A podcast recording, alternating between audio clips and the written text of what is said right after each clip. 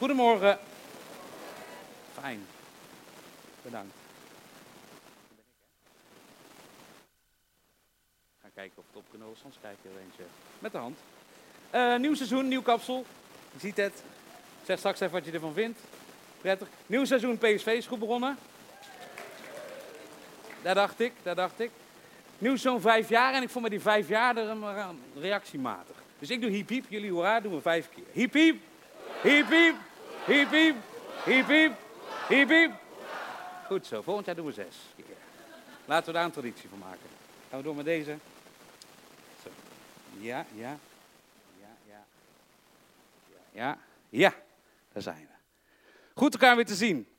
Uh, vijf jaar geleden met een mannetje of 30, 35 begonnen, denk ik. Nou, we zullen op uh, bijna 300 zitten vanmorgen. Nou, als we dat nou, die zes vervoudiging nog een keer doen, dan hebben we een probleem, uh, Wilfried en Matthijs. Maar dat zien we over vijf jaar dan wel. Uh, het zit lekker vol, de kerk. En dat is niet overal meer zo in ons mooie land. Um, daar gaan we even naar kijken.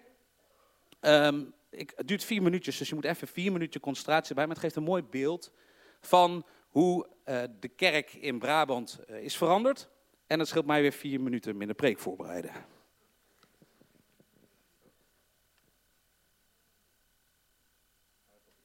Als het geluid aan kan, dan zet ik hem. Uh... Feesten als carnaval en de kermis, ze hebben allemaal de oorsprong in het geloof. That's because Jesus Christ is my nigga. Brabant was ooit bijna volledig katholiek. Maar hoe zit dat nog op dit moment? Hoe gelovig zijn we eigenlijk nog?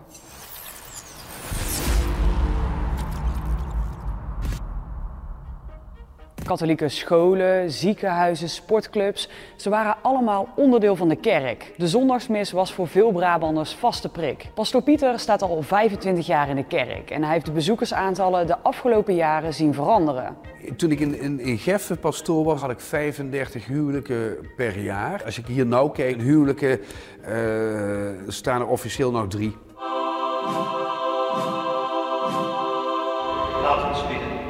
Hoe zit dat met de rest van Brabant? Nou ja, laat ik eens met me. laat ik eens met mezelf beginnen. Nou, laat ik eens met mezelf beginnen. Ik ben gedoopt, heb mijn communie en daarna ook mijn vormsel gedaan. Maar in de kerk kom ik eigenlijk alleen nog maar met kerst. We vroegen het aan jullie en het blijkt dat ik niet de enige jonge Brabander ben waar dat voor geldt. Ben jij gelovig opgevoed? Nee, uh, katholieke basisschool en uh, daar moest ik dan twee keer per jaar voor naar de kerk, maar dat is het ook al. Nou, wel gedoopt, maar niet opgevoed. Communie heb ik gehad, vormsel heb ik gehad. Nee, eigenlijk niks meer mee gedaan. En nu, voel je je nog gelovig? Uh, nee, nee, eigenlijk niet. Nou, ik denk dat er vast wel iets zal zijn, maar niet... Uh... Ik geloof alleen in mijn eigen. Tuurlijk, ik geloof wel dat er iets is of wat, maar wat, durf ik gewoon niet te zeggen. Ruim twee derde deed na de doop en de communie hun vormsel. De doop en de communie wordt vaak voor je bepaald, maar voor het vormsel kies je echt zelf. Maar een derde van de vormelingen zegt zich nu nog gelovig te voelen. Hoe kan dat? Nederlanders hebben het relatief makkelijk. Makkelijk? Ik heb het ook niet makkelijk. Oké okay, Niels, jij misschien niet. Maar wat ik wil zeggen, het is hier allemaal best goed geregeld. Als we ziek zijn, dan wordt er voor ons gezorgd.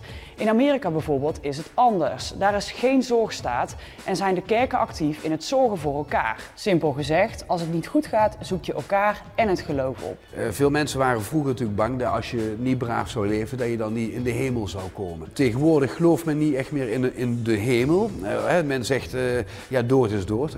Zand erover klaar. Overigens is dat wel zo, als je bij een uitvaart hoort, dan zeggen ze, opa doe oma de groeten. Dan denk je, ja, als het dood is en klaar, dan hoef je oma niet meer de groeten te doen. Hartelijk dank aan u allen. Ook deze kerk in Milohout is vaak grotendeels leeg. Uit ons onderzoek blijkt dat maar een derde van de gelovigen regelmatig de kerk bezoekt. Pastor Pieter snapt wel waarom dat is. Als jij een uur op die harde banken moet zitten uh, en moet luisteren naar een taalgebruik wat anders is, uh, maar ook de, de, muziek. Ja, en dat is toch anders dan uh, wat de hedendaagse jeugd gebruikt. In België hebben ze daar iets op bedacht. We hebben altijd je bro. We spelen niet gewoon vibes, man. Ewa, man. Terug naar de Brabanders. Ooit waren we bijna allemaal katholiek, maar we hebben daar altijd al onze eigen draai aan gegeven. De regels van het Vaticaan, daar hebben we niet zoveel mee. We beslissen liever zelf wat we met de rituelen doen die daarbij komen kijken. En zo ontstond het volksgeloof. Neemt deze. Misschien breng jij geen bezoek aan een kerk, maar brand je wel af en toe een kaarsje bij Maria.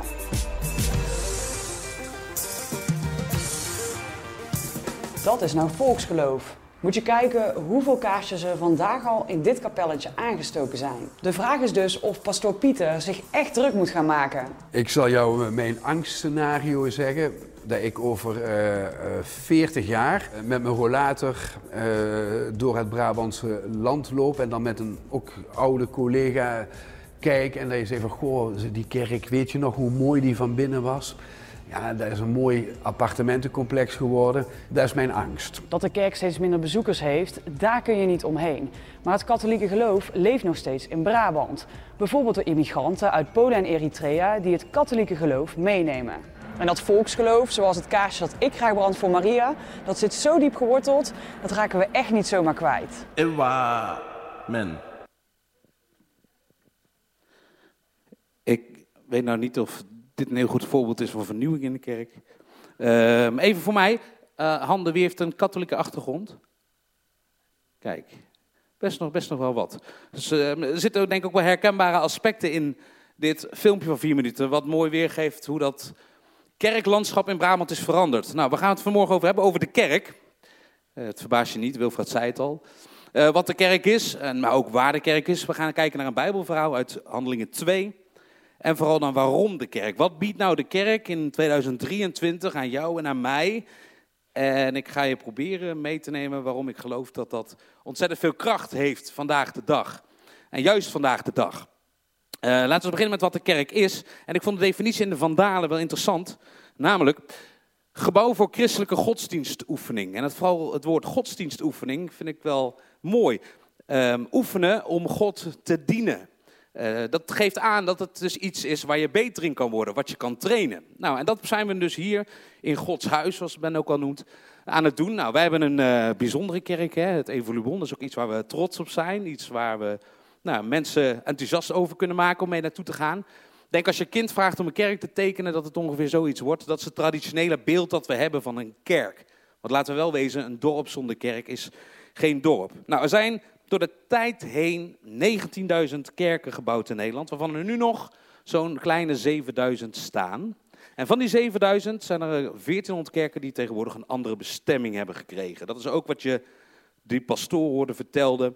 Ehm, een appartementencomplex. Of in Maastricht heb je ook een kerk waar nu een uh, boekhandelbibliotheek in zit. Nou, dat zien we steeds meer gebeuren.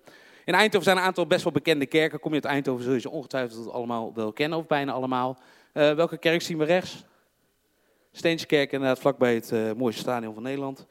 Um, en dat is ook een kerk die een aantal jaar heeft gediend als kerk, uh, maar daarna als museum heeft gediend. Nu is het uh, gewoon te huur, of als je wilt trouwen kan je die kerk uh, huren. En in april afgelopen jaar was er een opname van de reclame waarbij het omgebouwd werd tot bank. En dat er een overval was gepleegd op die bank. Misschien hebben jullie dat meegekregen. Nou, als je kijkt naar de afgelopen tien jaar, en vooral als we kijken naar de lichtblauwe balk, als het gaat over mensen die zich niet onder een kerk vinden, doen vallen, een kerkelijke gezinte of een kerkelijk nou, instituut, om het zo maar even te noemen. Nou, zie je dat die balk met ongeveer 10% is gestegen. Dus in 10 jaar, 10% van de mensen van de Nederlandse bevolking uh, heeft voor zichzelf gezegd, ik maak geen deel meer uit van een kerk. Nou, de rest zie je dan ook een beetje inkrimpen. Maar er is hoop. Want als je kijkt naar deze kaart, hoe donkerder de kleur blauw, hoe meer betrokkenheid er is bij een kerkelijke gemeente. Nou, en dan zien we in Brabant en Limburg, de volhardende katholieken, dat die nog wel enige verbinding voelen met een kerk. In Noord-Holland bijvoorbeeld zie je dat dat helemaal verdwenen raakt, lijkt wel steeds meer. Nou, vanmorgen wil ik dus kijken en wil ik je meenemen in wat ik geloof wat de Bijbel zegt ook over het zijn van kerk. De reden waarom wij hier vanmorgen samen zijn, waarom we stadskerk zijn door de week. Um, en eigenlijk een soort van ideaal plaatje schetsen van een kerk. Nou, dat is goed voor onszelf om te kijken, oké, hoeveel doen we eraan? Goed shirt trouwens. Eh, ja, ga staan, laat eens even zien. Ja, tada. Ja, ja dat is fijn. Ja, altijd als ik spreek moet jij op de eerste rij zitten in dit shirt. Zullen we dat afspreken? Oké, goed zo. Waarom de kerk belangrijk is. En daar uh, geloof ik echt in. Belangrijker dan ooit. We gaan naar twee handelingen lezen. Of handelingen 2 moet ik zeggen. Twee handelingen bestaat niet. Handelingen 2. En dat is best wel een bijzonder bijbelboek. Het is geschreven door Lucas. Nou, Lucas, die naam kan je misschien kennen. Ook een van de schrijvers van de evangelie, het evangelie van Lucas, waarin het leven van Jezus wordt beschreven. Nou, in Handelingen 1 zien we, uh, staat centraal eigenlijk de hemelvaart van Jezus. Jezus is opgestaan uit de dood, dat vieren we, daar geloven we in. Dat is ons uitgangspunt, de reden waarom we hier samen zijn. En hij gaat naar de hemel en laat iets achter, en dat zien we in Handelingen 2 voor de mensen die in hem geloofden op dat moment, namelijk de komst van de Heilige Geest. Nou kan ik een prekenserie vol praten over de Heilige Geest. Gaan we misschien nog wel eens een keer doen, best wel een interessant onderwerp. We gaan vanmorgen niet doen. Um, maar de komst van de Heilige Geest als vervanger van Jezus, om het zo maar te zeggen, uh, gaf de nieuwe gemeente, de eerste gemeente, want daar gaan we het over hebben, de eerste kerk, de energie, de inspiratie, de kracht om door te gaan om het verhaal van Jezus verder te vertellen. En we lezen in Handelingen 2, voordat we bij het stuk komen waar we vanmorgen over gaan hebben, de eerste echte toespraak, eigenlijk de eerste preek, zou je het zo kunnen noemen, van iemand anders dan Jezus. En die zit vol van Jezus, de preek van Petrus. Die heeft het over Jezus komst naar de aarde, Jezus kruisiging, zijn dood, zijn opstanding. En aan het einde van zijn preek uh, raken mensen enthousiast, geraakt, uh, willen volgeling van Jezus worden. En dan komen we bij een stuk dat die eerste kerk omschrijft. Hoe zij met elkaar omgingen, hoe zij met elkaar kerk wilden zijn in die tijd. En ik geloof dat dat superveel handvatten geeft voor ons vandaag de dag, onze stadskerk.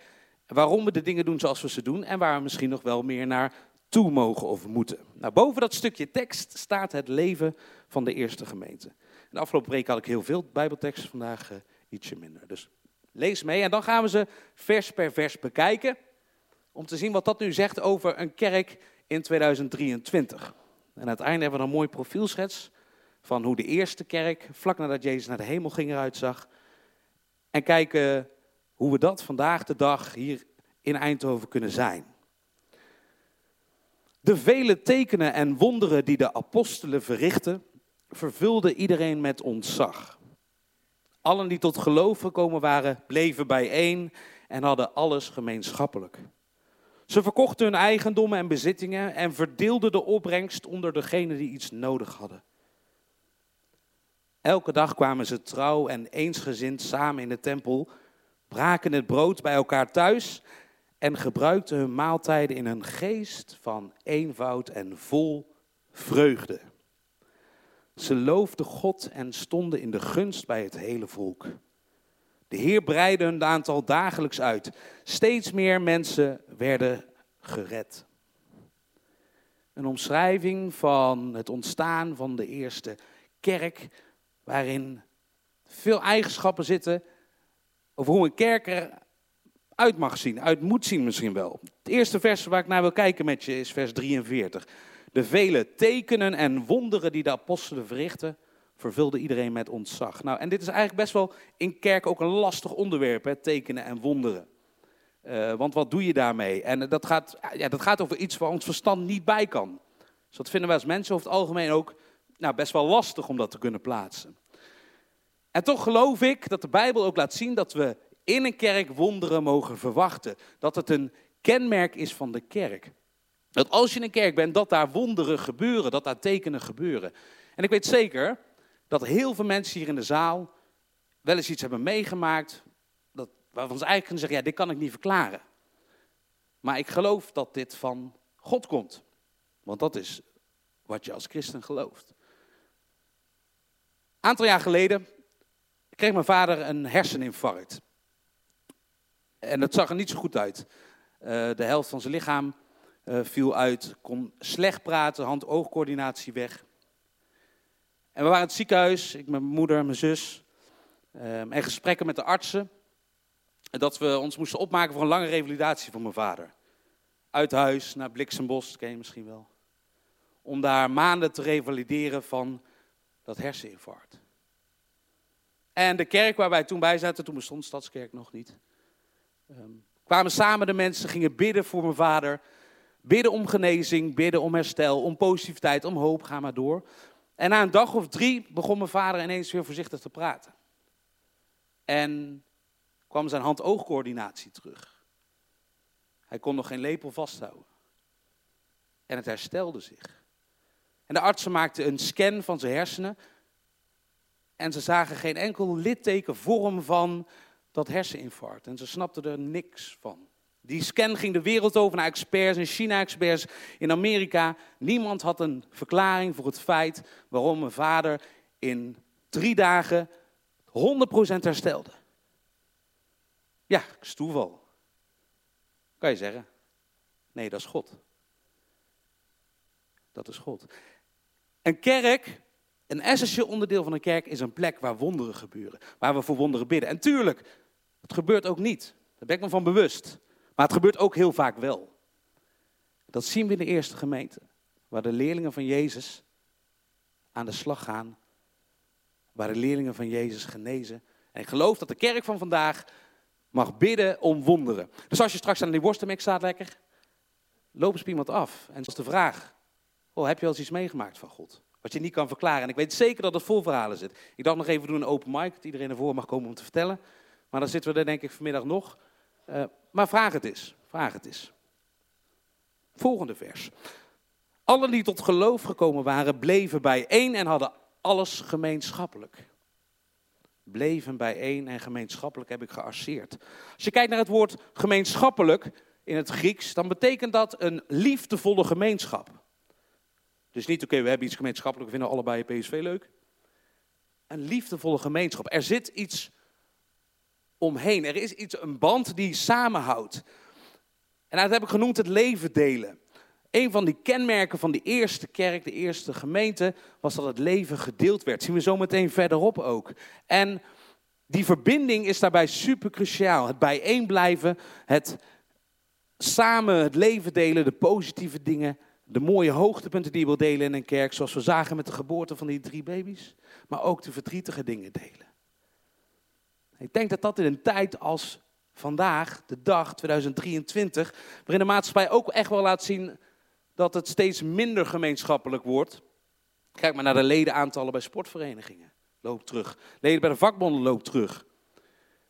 Als je nu een uh, sportschool inloopt, dan staat iedereen met een koptelefoontje te sporten, bezig in zijn eigen wereld. Die gemeenschapszin, een wezenlijk onderdeel van de kerk, vlak toen, eigenlijk toen Jezus nog was. Ik geloof dat dat, als we het hebben over een unique selling point van een kerk, dat dat een unique selling point van een kerk is. Je zit hier niet als individu, alleen we zitten hier samen. En we delen het samen, het mooie en het minder mooie. Ze verkochten hun eigendommen en bezittingen en verdeelden de opbrengst onder degenen die iets nodig hadden. Ja, dit vinden we dan minder leuk, waarschijnlijk. Maar wel een kenmerk van de eerste kerk. En dan gaat het natuurlijk niet om per se het verkopen van alles wat je hebt. Ik geloof niet dat we dat zo letterlijk over hoeven te nemen naar vandaag de dag. Maar het laatste deel is wel cruciaal. Degene die iets nodig hebben. Als je als gemeenschap in verbinding bent met elkaar, liefdevol in verbinding met elkaar, dan kan het niet anders zijn dan dat je naar elkaar omkijkt. Dat je oog hebt voor wat een ander nodig heeft. Dat je wilt delen van datgene dat je hebt. En eigenlijk is dit een keerpunt in de geschiedenis geweest. Het ontstaan van die eerste kerk. Jezus is sowieso een keerpunt in de geschiedenis, laten we wel wezen. Maar hier is het sociale vangnet ontstaan. Voor die tijd, als we kijken naar de Romeinse tijd, waren ze ontzettend bezig met het nou, najagen van eigen winst, eigen geluk. Ging het om eigen succes, eigen groei, eigen ontwikkeling. Eigenlijk wat we nu ook wel een beetje zien. Je betaalde belasting aan de keizer. En verder, als je het minder had, had je het ook echt minder. Had je pech, om het zo maar te zeggen. En wat we hier zien ontstaan, is een gemeenschap die om elkaar geeft. Die naar elkaar omkijkt. Die zegt, oké, de sterkste schouders dragen de zwaarste lasten. Heb jij minder, dan ben ik er voor je. Dan wil ik delen van wat ik heb. Zoals we nu de, de cao's kennen op werkgebied. Als we kennen de AOW's, de WAO's. Nou, alle uitkeringen om ervoor te zorgen als het hopelijk goed gaat, want daar kunnen we het ook wel eens over hebben. Om mensen die het minder hebben te ondersteunen. Dus dit is, dit is iets wat onze hele maatschappij veranderd heeft. En ik geloof dat de kerk daar nog steeds, het hoorde je ook in het filmpje, een cruciale rol bij speelt. Mensen in de kerk, maar ook zeker daarbuiten. En als je iets ontvangen hebt, dan wil je dat uitdelen. Dan wil je andere mensen daar mee van laten genieten. En hoe je dat handen en voeten moet geven, dat is een goede vraag. Daar kunnen we komend jaar eens over na gaan denken.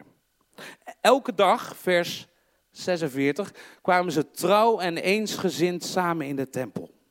Braken het brood bij elkaar thuis en gebruikten een maaltijd in een geest van eenvoud en vol vreugde. Nou, ik zie het productieteam al wit uh, wegtrekken in de band. Nee, we gaan niet elke dag een dienst uh, houden met elkaar. Dat zou wel leuk zijn. Misschien ooit. Maar je voelt wel een bepaald commitment hier uitstralen. Althans, dat voel ik.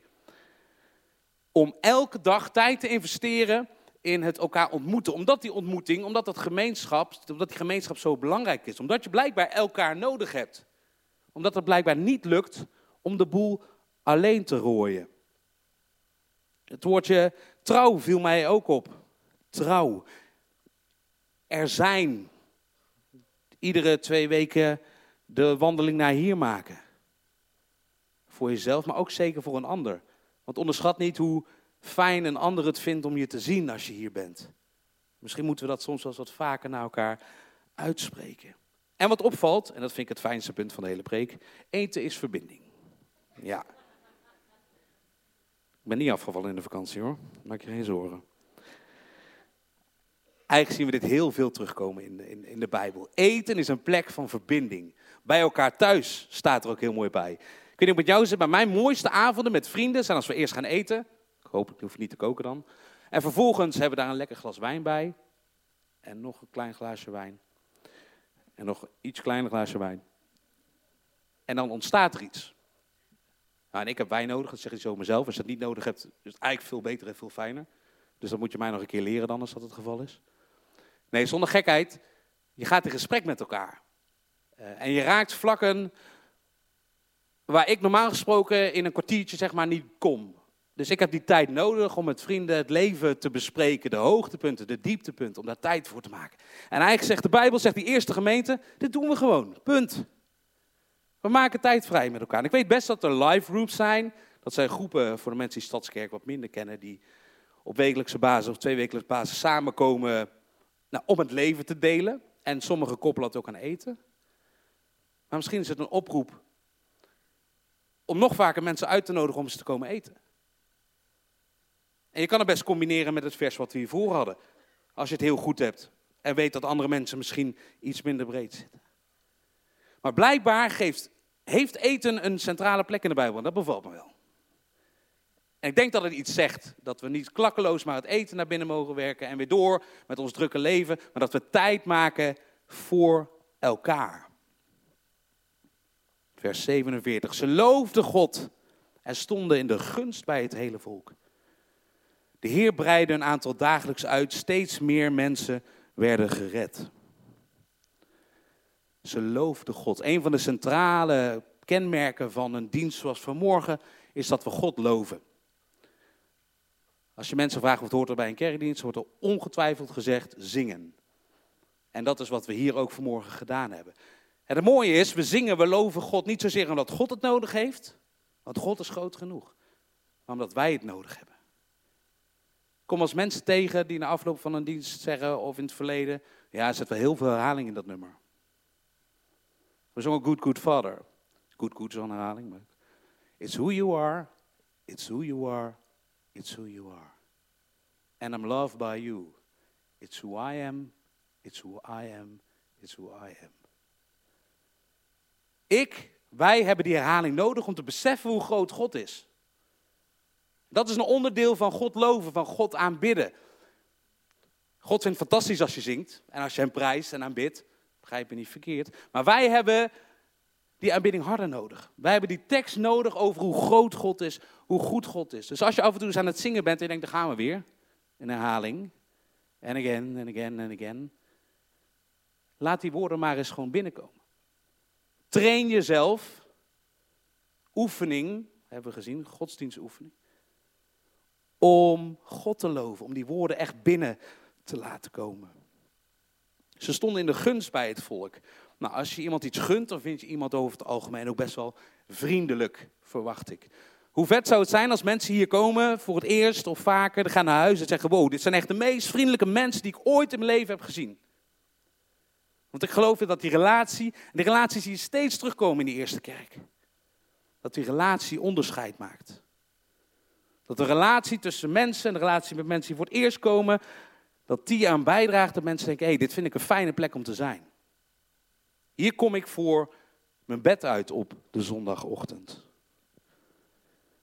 En het gevolg van al die versen samen is dat het zich blijkbaar uitbreidt. Want dat lezen we.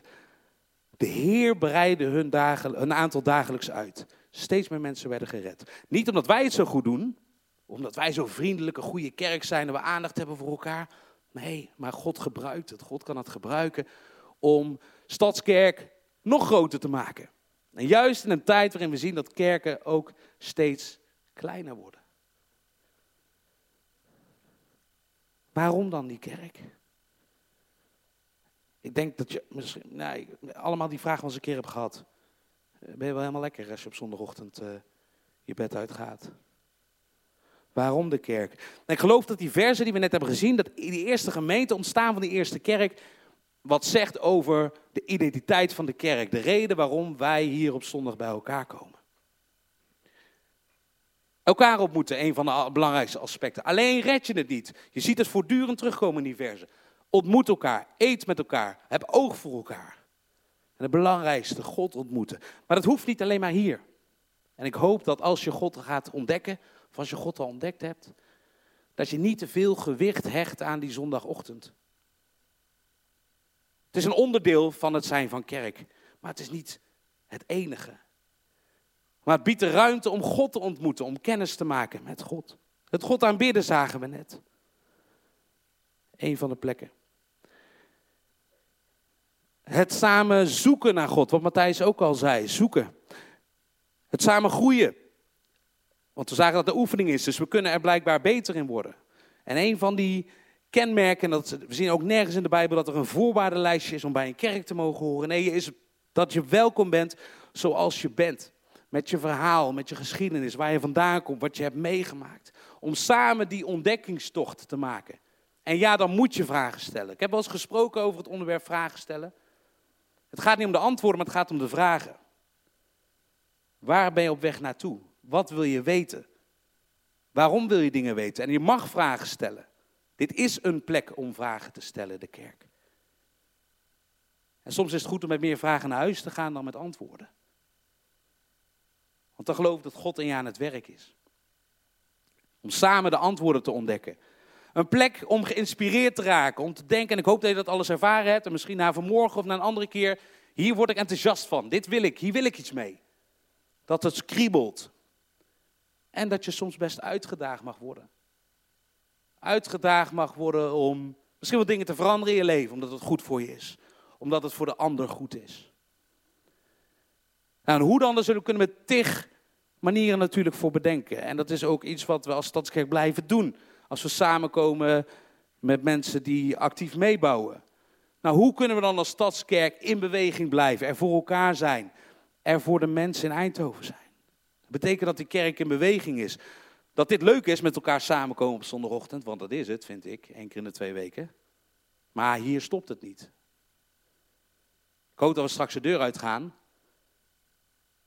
en dat we vervolgens pas beginnen. Elkaar ontmoeten weer. Ik hoop zometeen. En er zijn allerlei redenen waarom het wel zo kan zijn hoor, dat begrijp ik ook wel. Maar ik hoop dat je zometeen niet meteen in de auto naar huis gaat. Op de fiets of loopt. Dan moet je niet uh, verplicht voelen om te blijven. Als je een afspraak hebt of weet ik het wat. Maar ik hoop dat je de tijd neemt om met elkaar in gesprek te gaan om 1, 2, 3 worstelbroodjes te eten. Lekker. Dat is lekker, zo Ber zeggen. Hè? Dat is lekker. En om tijd te maken voor jezelf en voor de ander om je te leren kennen. En dan is het misschien wat makkelijker om snel weer weg te gaan. Maar ik wil je uitdagen om vanmorgen, als je de tijd hebt, om eens te blijven hangen. En dan vervolgens aandacht te hebben voor de ander, de ander te zien, geïnteresseerd te zijn in de ander. Waar ben je mee bezig? Wie ben je? Waarom ben je hier? En als je onderdeel bent van Stadskerk 040, dan wil je niks liever dan delen wat je ontvangen hebt. De liefde die je van God ontvangen hebt, te delen met de mensen om je heen. En dat is heel fijn om het hier te doen, als start. Maar het gaat natuurlijk om die maandag tot en met zaterdag. En geloof dat de kerk een plek is waarin we met elkaar heel goed kunnen hebben. Die gemeenschap kunnen zijn die we eigenlijk missen buiten. Of die steeds minder wordt buiten. Maar dat dat een voorwaarde is om vervolgens door de week heen te kunnen delen wat je ontvangen hebt. Ik heb drie vragen voor je om over na te denken. Misschien zometeen, misschien te bespreken tijdens de koffie. Of van de week in de live group of voor jezelf. Dus maak zomaar een fotootje. Waarom kom jij nou naar Stadskerk 040? Waarom zit je hier? Er is een reden geweest waarom je vanmorgen je bed uitkwam. Omdat het moet van papa of mam. Kan. Omdat je misschien iets zoekt. Dus wat zoek je dan bij Stadskerk 040? Als je hier zit, wat zijn de vragen die je hebt? En deel het met ons. Deel met de mensen met zo'n mooie badge op. Kom naar mij toe, naar Matthijs, naar Wilver. Nou, maak het uit. Spreek iemand aan. Je komt wel bij iemand terecht. Wat zoek je nou? Waar ben je nieuwsgierig naar? Waar ben je hongerig naar? Welke vragen heb je? Want in de kerk moet er ruimte zijn voor vragen. En wat kan je toevoegen aan Stadskerk 040? Ik geloof dat een ieder die hier zit, zit met talenten, dingen die hij heel goed kan. Maar soms weten we het niet van elkaar. En als je er nou enthousiast van wordt, als je denkt, dit is een gemeenschap waar ik me prettig bij voel, waar ik bij wil horen, waar ik met energie en plezier naartoe ga één keer in de twee weken op zondag. En ik wil daar meer van. Ik wil ook door de week mee bezig zijn. Ik wil helpen om Stadskerk 040 verder te laten ontwikkelen, verder te laten bloeien. Wat kan jij dan toevoegen? Want we zoeken jou, God zoekt jou, wij zoeken je. Dan wil ik afsluiten met uh, Jezus woorden. Want je zult opgevallen zijn, het woord Jezus nog niet is teruggekomen. Een aantal keer in de geschiedenis. Maar de reden waarom we samen zijn, is Jezus. Is dat we Jezus centraal hebben staan. En ik heb wel eens gehoord van mensen, ja, is wel erg veel Jezus in die kerk. Ja, als je dat vervelend vindt, moet je een andere kerk zoeken. Dat is de reden waarom we hier vanmorgen zijn, waarin we geloven. En Jezus geeft een fantastische opdracht mee aan zijn leerlingen, aan zijn discipelen. En die opdracht, geloof ik, geldt voor ons allemaal vandaag de dag. En als we dat in de praktijk kunnen brengen, dan zullen we een nog leukere, nog fijnere, nog mooiere stadskerk zijn. Dan zullen we in Eindhoven verschil maken. Dat we anders zijn dan anderen. Anders zijn dan de willekeurige badmintonvereniging. Al vind ik badminton best leuk. Maar ik geloof dat dat cruciale onderdeel, dat Jezus heet, alles veranderend is. Jezus zegt tegen zijn vrienden in Johannes 15: Ik hou van jullie net zoals de Vader van mij houdt. Doe wat ik je vraag, want dan blijft mijn liefde je leiden. Ook ik heb altijd gedaan wat de Vader van mij gevraagd heeft. En zijn liefde heeft mij altijd geleid. Ik vertel jullie al deze dingen omdat ik wil dat jullie dezelfde vreugde voelen als ik. Ik wil dat jullie vreugde volmaakt is. Ik geef jullie deze regel. Hou van elkaar. Net zoals ik van jullie hou. Het grootste bewijs van liefde is dat iemand wil sterven voor zijn vrienden. Hou van elkaar. Zometeen, morgen, de rest van de week. Hou van elkaar.